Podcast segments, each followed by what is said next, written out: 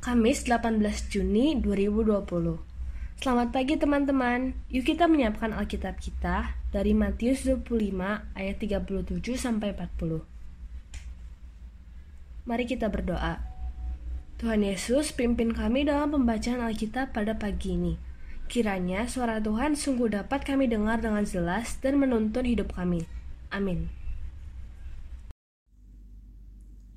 Matius 25 ayat 37 sampai dengan 40.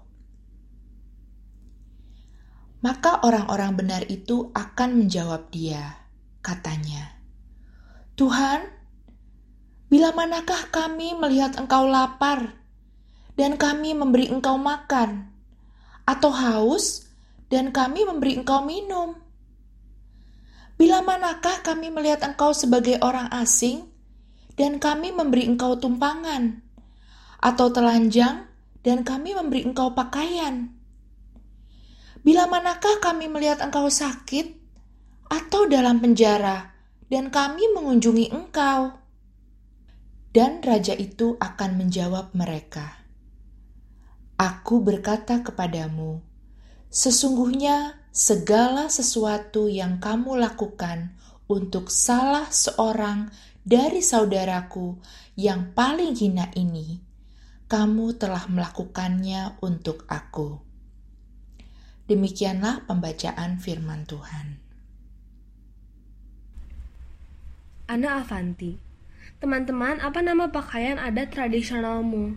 Kebaya adalah salah satu pakaian adat Indonesia dari daerah Jawa. Saat ini, banyak sekali desainer yang merancang busana dalam bentuk kebaya. Salah satunya adalah Ana Avanti. Ana Avanti lahir di Semarang pada tanggal 20 Mei 1954. Hasil karya kebayanya telah dikenali hingga dunia internasional. Tidak hanya ini, ternyata Ana Avanti juga aktif dalam kegiatan sosial. Ia mendirikan rumah singgah Wisma Kasih Bunda. Di tempat ini, bayi-bayi dari kalangan tidak mampu yang menderita hidrosefalus atau cacat bawaan lainnya ditampung. Mereka dirawat hingga menunggu giliran dioperasi. Bahkan saat pandemi COVID-19 ini pun, Ana Avanti menjahitkan serta memberikan gratis banyak baju pelindung diri untuk para dokter dan suster, supaya mereka tidak tertular virus.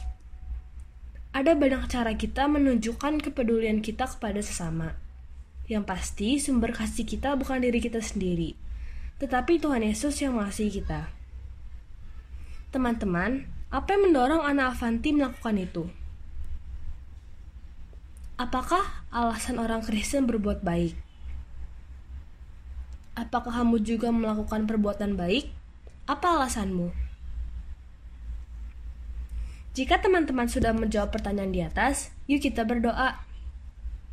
Bapa di surga, bimbingkan kami agar kami dapat melakukan kebaikan untuk orang-orang di sekitar kami. Dalam nama Tuhan Yesus, amin.